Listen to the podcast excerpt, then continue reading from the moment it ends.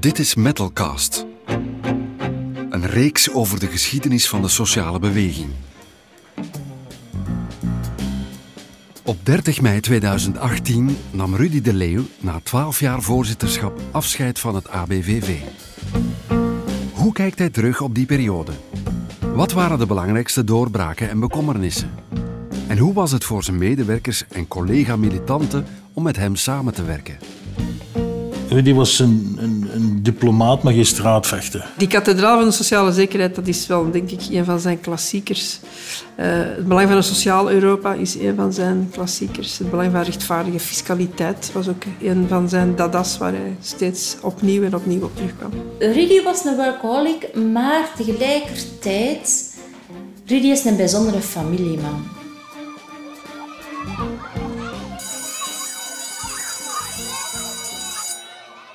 Wat slechts weinig mensen weten, is dat Rudy de Leeuw zijn carrière startte als leerkracht wiskunde. Na negen jaar lesgeven maakte hij de overstap naar het ABVV. Het was uh, mijn sociaal engagement dat ik eigenlijk van jongs af aan uh, had wel.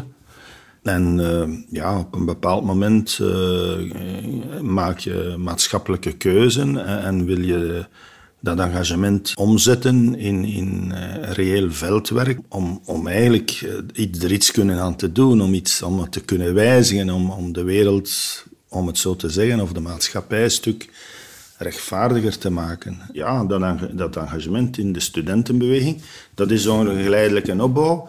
Dan ben ik een aantal jaren leraar geweest. Ik vind dat nog altijd een heel edel beroep.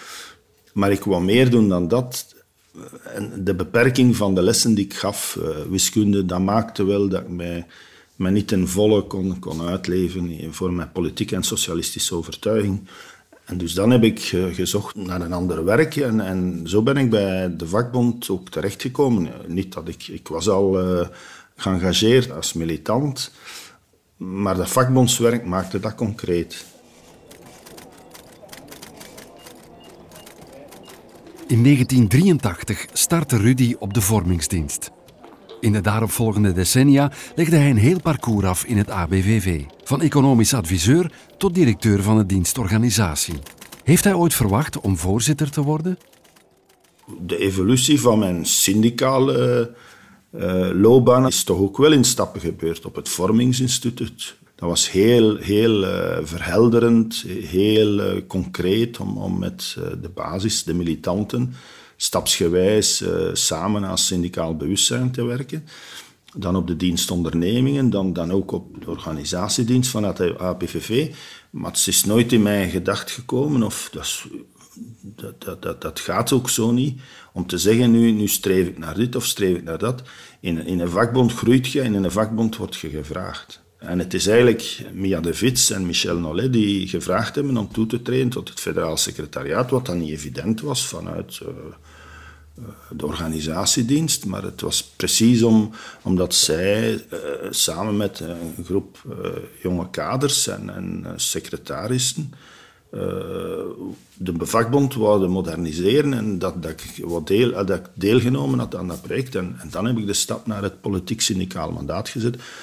En de, volgende stap, geen enkel haar op mijn hoofd, toen ik er nog wat meer had dan nu, dacht eraan uh, van, van ooit uh, nog verdere stappen te zetten uh, binnen dat secretariaat. En, dan is de periode gekomen waar eigenlijk dan aan, André Mortain, mijn onmiddellijke voorganger, mij toch gesolliciteerd heeft en, en samen met nog mensen uit, uit beroepscentrales van eh, zij kandidaat om voorzitter te worden. Maar dat, dat niet uit uw eigen, me vraagt u dat.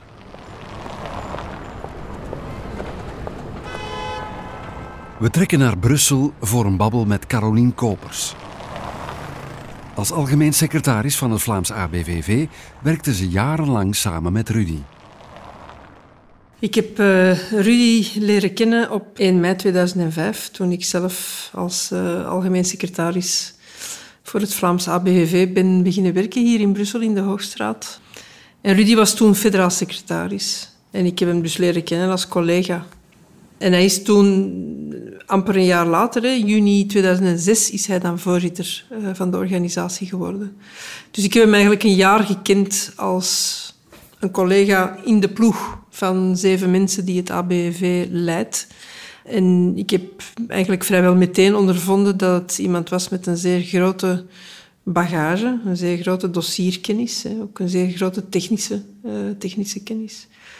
Maar het feit dat hij dan uiteindelijk een jaar later voorzitter werd, dat was uh, een verrassing. Maar dat was toen op dat moment ook, uh, dat, dat herinner ik mij nog, een zeer hoopgevend moment voor ons. We hadden toen echt het gevoel van, we gaan het anders aanpakken. Het gaat, het gaat, uh, het gaat goed lopen met de organisatie. Het gaat, uh, het gaat beter gaan. Hij heeft ook een aantal grote dossiermomenten gehad. Hè. De loonklofwet in 2012 is er een belangrijke. Na al die jaren Equal Pay Day acties die we gevoerd hadden en waar hij toch altijd bij betrokken was. Het statuut bij de bedienden was een heel belangrijk dossier dat al decennia aansleepte, dat onder zijn voorzitterschap toch is kunnen landen op uh, resultaat dat nog steeds de basis is van verder uh, overleg met de werkgevers. Het bovenwater houden van sociale zekerheid, hè. die kathedraal, dat was een van zijn absolute stokpaardjes. Heel de pensioenproblematiek vandaag, uh, dat zijn toch wel momenten in zijn loopbaan waar je hem, ja, ik zou bijna zeggen, nog meer gedreven bezig zag dan anders. Het is ook altijd een, een, een, collectieve verdienste. Het is niet alleen, niet alleen van mij, je doet dat met, met vele andere mensen. Maar de tijdsomstandigheden over die twaalf jaar zijn ook veranderd. Uh, wat ik dan zeg, ik heb alle seizoenen gekend. Ik heb even zomer gekend. We hebben bijvoorbeeld de bruttolonen kunnen verhogen, de minimumbrutolonen kunnen verhogen. Uh, we hebben dan een periode van, van herfst gekend waar we toch al compromissen moesten sluiten die niet simpel waren. Denk bijvoorbeeld aan, aan een, eh, wat we in, in dat jargon noemen de conventie, de CAO nummer 90, waarbij er dus een soort bonussysteem wordt toegekend, uh, dat niet onder de vorm van loon is, maar waar wel bijdragen voor zijn voor de sociale zekerheid. Maar zo'n bonussysteem, dat staat niet op onze agenda. Maar wat hebben we er dan van gemaakt? Dat het een collectief systeem werd, dat het over een afdeling moest gaan, of dat iedereen in het bedrijf dat moest krijgen. Dus dat, noem ik dan herfst. Uh, en dan winter, ja, dat is, uh, dat is wat dat we meemaken met de regering Charles Michel Bart de Wever waar het sociaal overleg niet gerespecteerd wordt, zelfs als er in moeilijke omstandigheden akkoorden zijn, wat dan niet gerespecteerd wordt. Integendeel, waar men ingrijpt op loon- en arbeidsvoorwaarden, bijvoorbeeld eh, de index eh, bevriezen, dat is eh, eigenlijk collectieve arbeidsovereenkomsten in sectoren die respecteren waar onze lonen de koopkracht volgen. Of de, de, de, de koop, het koopkrachtverlies automatisch compenseren. Doordat de prijzen zijn gestegen, krijgen we nadien pas hogere lonen. Dat is een overeenkomst. En de regering doorkruist dat. Uh, zonder de huurovereenkomsten, die ook aan de index zijn gebonden, niet in te perken. Dus dat, dat, dat, dat, noem ik winter. Dus dat is dus volledig het sociaal overleg niet respecteren en doorkruisen en, en in, doen inbinden. En dat leidt dan tot ongelijkheden en verarming.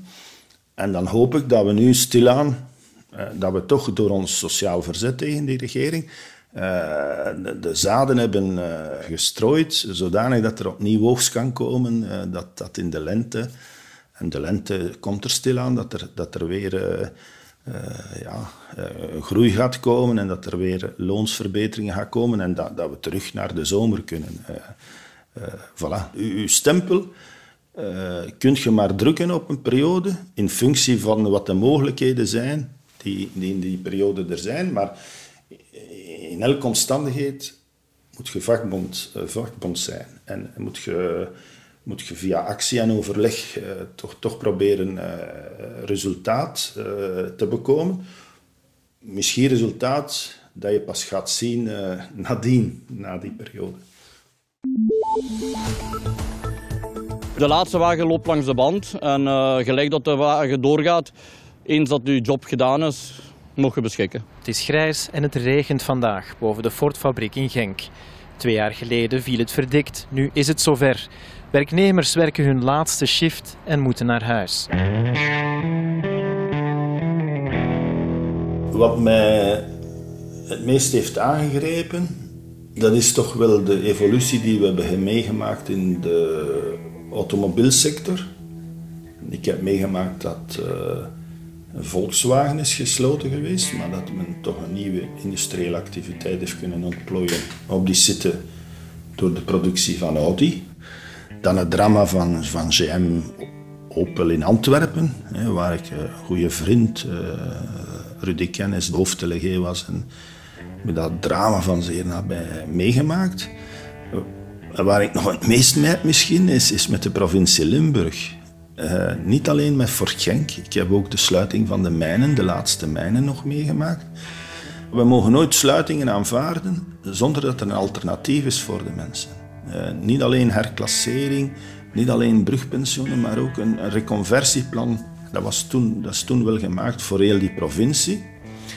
Maar dan een van de elementen van die reconversie was de automobielsector. En die is dan ook eigenlijk dichtgegaan met Fort Genk.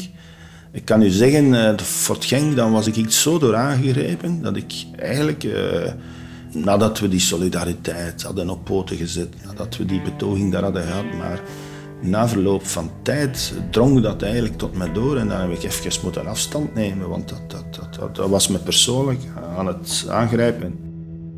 Naast het behandelen van deze aangrijpende sluitingen heeft Rudy tijdens zijn voorzitterschap ook enkele belangrijke thema's op tafel gelegd. Welke thema's beschouwt hij zelf als zijn stokpaardjes? Ja, er zijn verschillende thema's. Hè. Maar, maar eh, zeker in de eerste periode hebben we gewerkt op koopkracht. Om, om uh, koopkracht uh, die, die zo van belang is, goede lonen voor de mensen. Dat is onze eerste mogelijkheid die we als Fokband hebben om te herverdelen. Hè. Dat is onze eerste de bron om minder ongelijkheid te hebben en meer gelijkheid. Twee, de, de, de loon handicap van de vrouwen. Er is maar één loonhandicap in dit land en dat is het verschil tussen de lonen van mannen en vrouwen. Dat je dan uh, niet alleen de lonen, maar ook de, het feit dat de paarttuin vooral door de vrouwen wordt uh, gedaan, omwille van, van het feit dat zij natuurlijk in de eerste plaats nog altijd opdraaien voor, voor de, de, de, de zorg voor het gezin, wat dan, wat dan niet, niet, echt, niet echt correct is. En daar zou arbeidsduurvermindering een echt antwoord op zijn. Uh, en dan uh, natuurlijk uh, uiteraard ook het onderscheid tussen arbeiders en bedienden. waar we toch eigenlijk samen met Monica de Koning aan Demmelen, waar wij echt een doorbraak hebben in, in twee fasen geforceerd. Dat is een verdienste van socialisten en van de Socialistische Vakbond in de eerste plaats. Uh, samen met de politieke verantwoordelijken. De, premier was, was Elio Rupo, dus, dus dat mag gezegd worden. Ja, en, en eigenlijk uh, naar de toekomst toe, de duurzame ontwikkeling. Uh, als, als wij niet kunnen innoveren, vernieuwen, investeren in, in, in nieuwe kwaliteitsvolle jobs die, die ook onze aarde, onze planeet mee gaan beschermen, dan, dan, dan hebben we onze job niet gedaan. Hoe denken collega's over de verdiensten van Rudy? We vragen het aan Gina Herman. Zij werkte jarenlang als persverantwoordelijke voor Rudy. Hoe kijkt zij terug op zijn verwezenlijkingen? Een van de grote verdiensten van Rudy tijdens zijn voorzitterschap is toch wel de campagnes die wij gevoerd hebben voor meer gelijkheid tussen vrouwen en mannen bijvoorbeeld, zowel intern, meer vrouwen in, in, in belangrijkere posities, functies binnen de vakbond, ook meer vrouwen binnen de federale of andere instanties, beslissingsorganen van het ABVV. dag van vandaag, als je ziet dat er nu uh, drie vrouwen deel uitmaken van het federaal secretariaat, Karlien Kopers, Estelle Keulemans en Miranda Ullens. Uh, dat is niet onbelangrijk. En dat is ook wel een verdienste van Rudy, die daar aandacht voor had. En die ook wel op zoek ging naar oplossingen om dat onevenwicht te verhelpen. En hoe kijkt Gina terug op hun samenwerking? Samenwerken met Rudy de Leeuw als woordvoerder van het ABVV was op momenten toch wel bijzonder intensief. Ja, het is geen 9-to-5 job, hè. Ik denk dat ik zo wel op elk moment van de dag en van de nacht ofwel Rudy de Leeuw heb gezien of gehoord. Nachtelijke onderhandelingen, dan krijg je sms'jes met een stand van zaken of een, een uiting van hun gemoed van uh, dat gaat hier de verkeerde kant op. S morgens vroeg om half vijf oppikken voor de deur om naar een piket te gaan in West-Vlaanderen. Om vijf uur later aan een ander piket te staan in Limburg. Dus het is zowel overal geweest. En vooral, het is een man die bijzonder snel leeft, toch wel.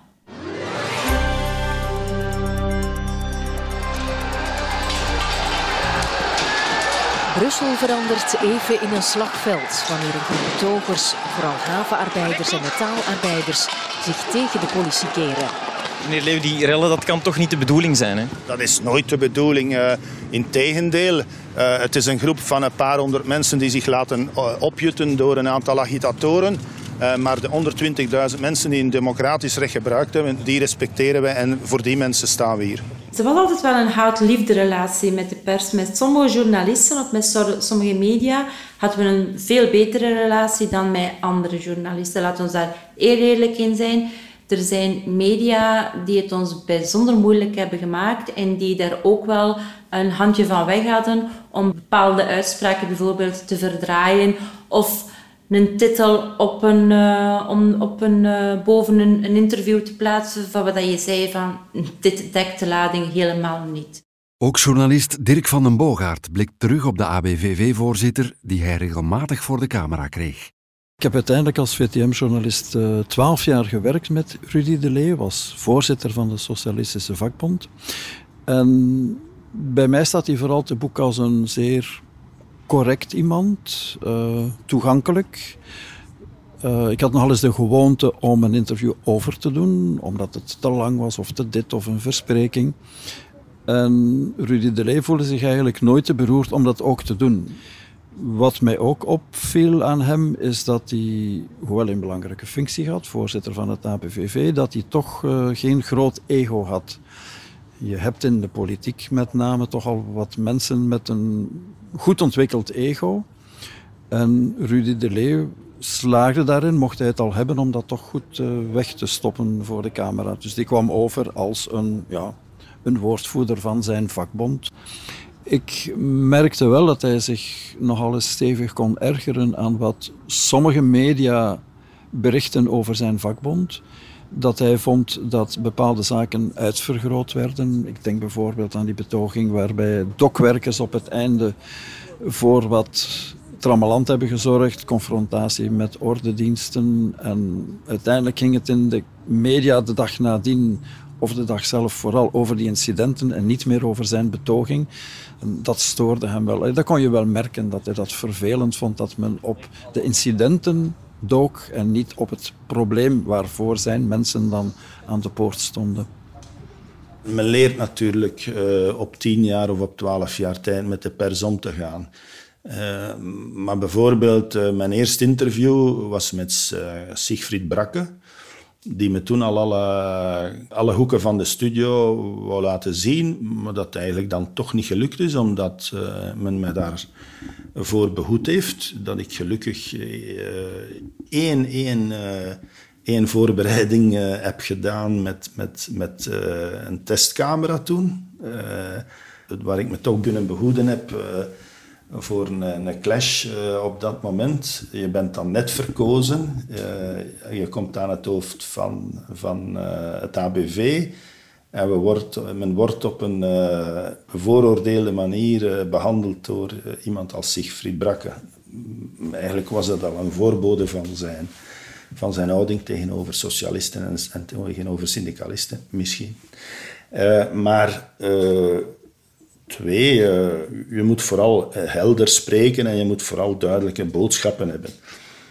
Uh, drie, debatten, dat is, dat, dat, dat is gewoonlijk zinloos. omdat als een van de debatdeelnemers de regels niet respecteert, dan, dan loopt dat in het honderd. En vier heb ik vooral geleerd dat je best, uh, als je een interview afneemt, nooit telefonisch. Ik heb dat de laatste vijf, zes jaar niet meer gedaan. Wat als er geen rechtstreekse confrontaties... Uh, dus dan in dit geval, ik bedoel dan uh, radio-interviews. Ik, ik, ben altijd naar de studio geweest. Moet het maar recht in mijn gezicht zeggen. Het is veel te gemakkelijk uh, in een telefonisch interview van, van interviewtechnieken te gebruiken die er niet toe doen. Het, het moet scherp zijn, het, moet, het is radio, maar ik, ik vind altijd dat, dat het levendige radio moet zijn. En hoe kijkt zijn woordvoerster terug op de persoptredens van Rudy? Wat mij altijd is opgevallen aan Rudy de Leeuw en zijn persoptredens is dat Rudy voor de camera en achter de camera wel heel verschillend is. Nu, Rudy is op zijn best als hij praat voor militanten. In een zaal vol militanten, dan zijn dat heel vurige toespraken, heel vurige speeches, heel vurige een uitleg over wat deze regering heeft beslist bijvoorbeeld. En dan is hij op zijn best. Wereldwijd steunen wij de slogan om het minimumloon op 14 euro of 15 dollar op te trekken. Dat is de enige manier om arme werkenden weg te helpen van de miserie en van de armoede. Zet dan een camera in de zaal of duw een microfoon onder zijn neus en dat is anders. SPA-politica Caroline Genet ziet in Rudy vooral een gevoelig en standvastig iemand. Een voorzitter met een afkeer voor onrechtvaardigheid. Rudy is eigenlijk een heel zachtaardig mens. Uh, misschien een beetje in tegenstelling tot uh, het beeld dat uh, de gemiddelde man en vrouw in de straat van een klassieke vakbondsleider, een volksmanner heeft. Maar Rudy is, is gevoelig. Um, is ook heel standvastig in zijn overtuiging. Hij zegt een, een socialist met het hart op de, op de linkse plaats. En dat zal eeuwig zo kloppen, denk ik. En um, Rudy is ook een heel uh, verstandig man. Hij heeft een heel analytische geest.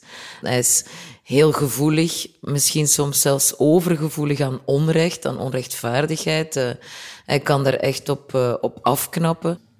Ik ben ervan overtuigd dat zijn engagement dat dat um, haar voeding vindt in, uh, in zijn eigen afkomst. Hij vertelt er zelf ook heel erg over dat hij van zeer bescheiden uh, komaf is. Dat zijn ouders ook alles hebben gegeven om, om hem als een van de eersten in de familie te kunnen laten studeren. En dat hij altijd is, is blijven opkomen voor voor de kleine lieden en voor de gewone mensen die moeten werken om, uh, om hun boterham te verdienen, om rond te komen. En hij is altijd heel trouw gebleven aan zijn milieu, aan zijn, uh, aan zijn overtuiging. Het is eigenlijk iemand um, met een heel groot engagement. Hè. En uh, hij weet dat wel, ik mag dat ook wel zeggen. Ik zei soms van, Rudy, je moet eens leren nee zeggen. Hè. Rudy was zeven dagen op zeven, 24 uur op 24 met zijn werk bezig. En stond ook ter beschikking zeven dagen op zeven van mensen binnen en buiten de organisatie die hem nodig hadden. Uh, ook, ook tijdens zijn vakanties, tijdens zijn weekends. Hij liet dat niet los. Hij kon dat eigenlijk ook niet loslaten. Dus hij was heel geëngageerd uh, om zijn job te doen. Ook heel geëngageerd om uh, vanuit zijn positie en met de organisatie toch op die maakbaarheid van de samenleving te, te, te wegen en te proberen dingen te veranderen. Ben ik een workaholic? Ben ik een familieman? Ik kan die twee niet tegelijkertijd en dus heb ik eigenlijk altijd mijn uh, familieleven afgeschermd uh, van de tijd dat ik bezig was met mijn werk. Wat dat niet wegneemt dat ik, zeker in mijn, in mijn gezin en, en thuis, natuurlijk dikwijls nog laat bezig was. Vooral er tijd was voor een familie. Maar als het erop aankwam, uh, dan moet je tijd maken voor wat het op dat ogenblik het meest belangrijk is. En soms was dat mijn familie dan. En nadien mijn werk. Maar ik heb uh, uren genoeg besteed, denk ik, uh, aan het werk, zodanig dat ik af en toe de keuze voor mijn familie kon maken. Mijn familie en mijn directe omgeving heeft, uh, heeft me altijd gesteund in, in, wat ik voor het ABV deed. Omdat zij vonden dat wat ik deed voor het ABV zo van belang was uh, dat zij vonden dat zij daar een stuk moesten toe bijdragen om daar alle tijd uh, en middelen voor te hebben om dat te doen. Ik, ik begrijp dat woord eigenlijk, workaholic, niet goed. Een job, dat was eigenlijk ons hobby. En niet iedereen heeft limieten op zijn hobby. Hè? We hadden dus een, een, een, zalige job, een droomjob. Hè? Zowel hij als ik, als andere collega-voorzitters. Ja, wat is te veel werken? Hè? Uh, je bent altijd bezig met iets wat je graag, wat, wat je graag doet. Hè? En uh, dan begrijp ik niet dat men in, in ons midden kan praten over workalcoholic. Het was het bedrijven van ons hobby. Hè? En, ons, uh, ja. en ook het feit dat je wilde winnen. Hè? Dat je wilde de dingen binnenhalen of dat je de schade wilde beperken langs, de andere kant. En uh, ja, dat, dat, dat dreef je tot, tot dingen waar, waarvan ik denk dat een normale niet in staat is om het te doen. Maar wel degenen die echt begeesterd zijn of de echte hobbyisten. En dat, uh, ja. Ik denk dat hij dat ook zo zag hoor. Ja. Het was ons hobby dat uit de hand liep. Herwig Jorissen stond meer dan twintig jaar aan het roer van ABVV Metaal en deelt de passie voor de sociale strijd. Hij kijkt vooral naar Rudy de Leeuw als een voorzitter die de eenheid in zijn vakbond probeerde te bewaren. Rudy was natuurlijk geconfronteerd met het groot probleem in dit land van hoe hou je die vakbeweging bij elkaar. Omdat uh, het ontegensprekelijk zo was dat we met twee snelheden zaten. Het zuiden dat op een uh, hardere koers aandrong en het noorden dat een meer realistische kijk op de zaak had. En dus Rudy probeerde die dingen altijd uh, te verzoenen. En wat dus, uh, wat dus heel dikwijls problemen gaf, dat was dat Rudy de techniek gebruikte van mijn moeder. Mijn moeder had uh, tien kinderen. En toen die groot waren, had mijn moeder dan ook nog tien aangetrouwden. En mijn moeder gaf in een dispuut altijd de aangetrouwde gelijk. Altijd. En mijn moeder ging ervan uit dat indien er nadien dingen moesten bijgelegd worden, dat dit veel gemakkelijker kon met de eigen kinderen. En dat paste Rudy dus toe, heeft hij altijd toegepast in de vakbond. Uh, strikt gezien zou je kunnen zeggen dat de Vlamingen zijn kinderen waren. Ik denk dat eh, Rudy zeker een bruggenbouwer is. Niet alleen tussen vakbond en partij, maar ook binnen de vakbond. Ik zal een publiek geheim vertellen, denk ik, als ik zeg dat er uh, tussen de verschillende centrales in het ABVV soms uh, nog bruggen gebouwd dienen te worden. En dat heeft hij altijd gedaan, ook tussen Noord en Zuid, tussen Vlamingen en Franstalig. Hij heeft altijd de eenheid van de vakbond als, als zeer belangrijk naar voren geschoven. En hij is er ook in geslaagd om, om die te bewaren. Ik vind de mooiste uitdrukking daar rond, je bent voorzitter van het ABV, maar eigenlijk krijg je die organisatie in je handen. Bestuur je die samen met het bestuur van het ABV, maar moet je die ook uh, in goede staat uh, verder geven aan, aan de opvolgers.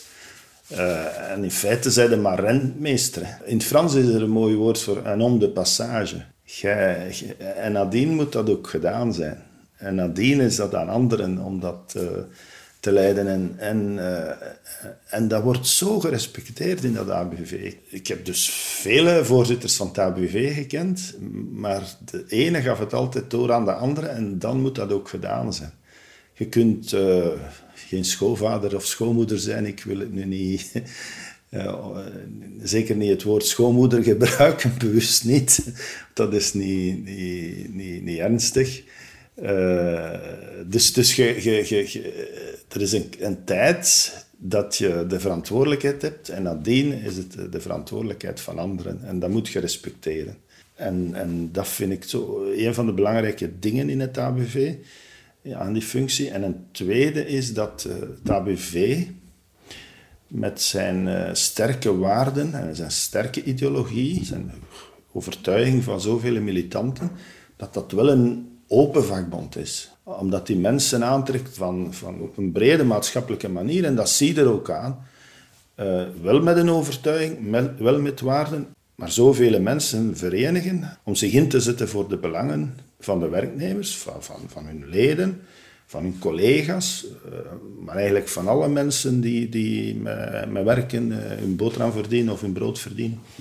Dat, dat, dat, zo, dat is zo'n open beweging en dat is een aspect uh, dat te weinig gekend is, omdat we er ook niet in slagen, maar ook omdat men ons ook, omwille van onze overtuigingen, omwille van onze ideologie, in een, in een hoekje wil zetten. In, in, in, uh, in een verhaal van dat is de vakbond en dat is de socialistische vakbond. Terwijl dat op zich uh, de vakbond mensen uit alle middens aantrekt op, als je bekijkt wie die leden allemaal zijn. En twee, wij doorbreken dat zelf wel een stuk en dat vind ik wel belangrijk. Wij, wij willen vanuit onze overtuiging zoveel mogelijk werknemers in dit land uh, vertegenwoordigen. En dat kan alleen als je dus uh, in, in het overleg en in de actie ook dat gemeenschappelijk vakbondsfront voorop stelt. Zelfs als je, ook als je weet dat je verschillende ideeën hebt, dat je zoekt naar wat u bindt, om, om samen sociale vooruitgang te realiseren in dit land. Dat Rudy een bruggenbouwer was, dat beaamt ook Carolien Kopers.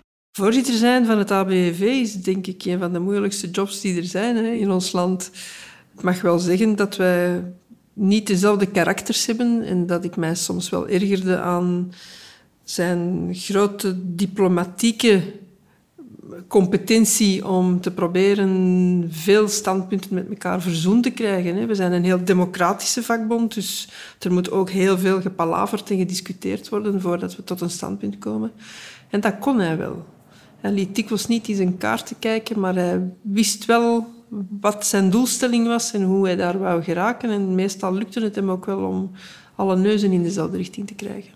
Hij, vond dat als men hem nodig had, eh, dat hij er moest staan. En ik denk dat hij dat vandaag nog altijd vindt. En dat hij er ook wel, zelfs na zijn pensionering, uh, in de eerste plaats ook nog altijd de militant van het ABV zal zijn, die er zal staan als dat, uh, als dat moet.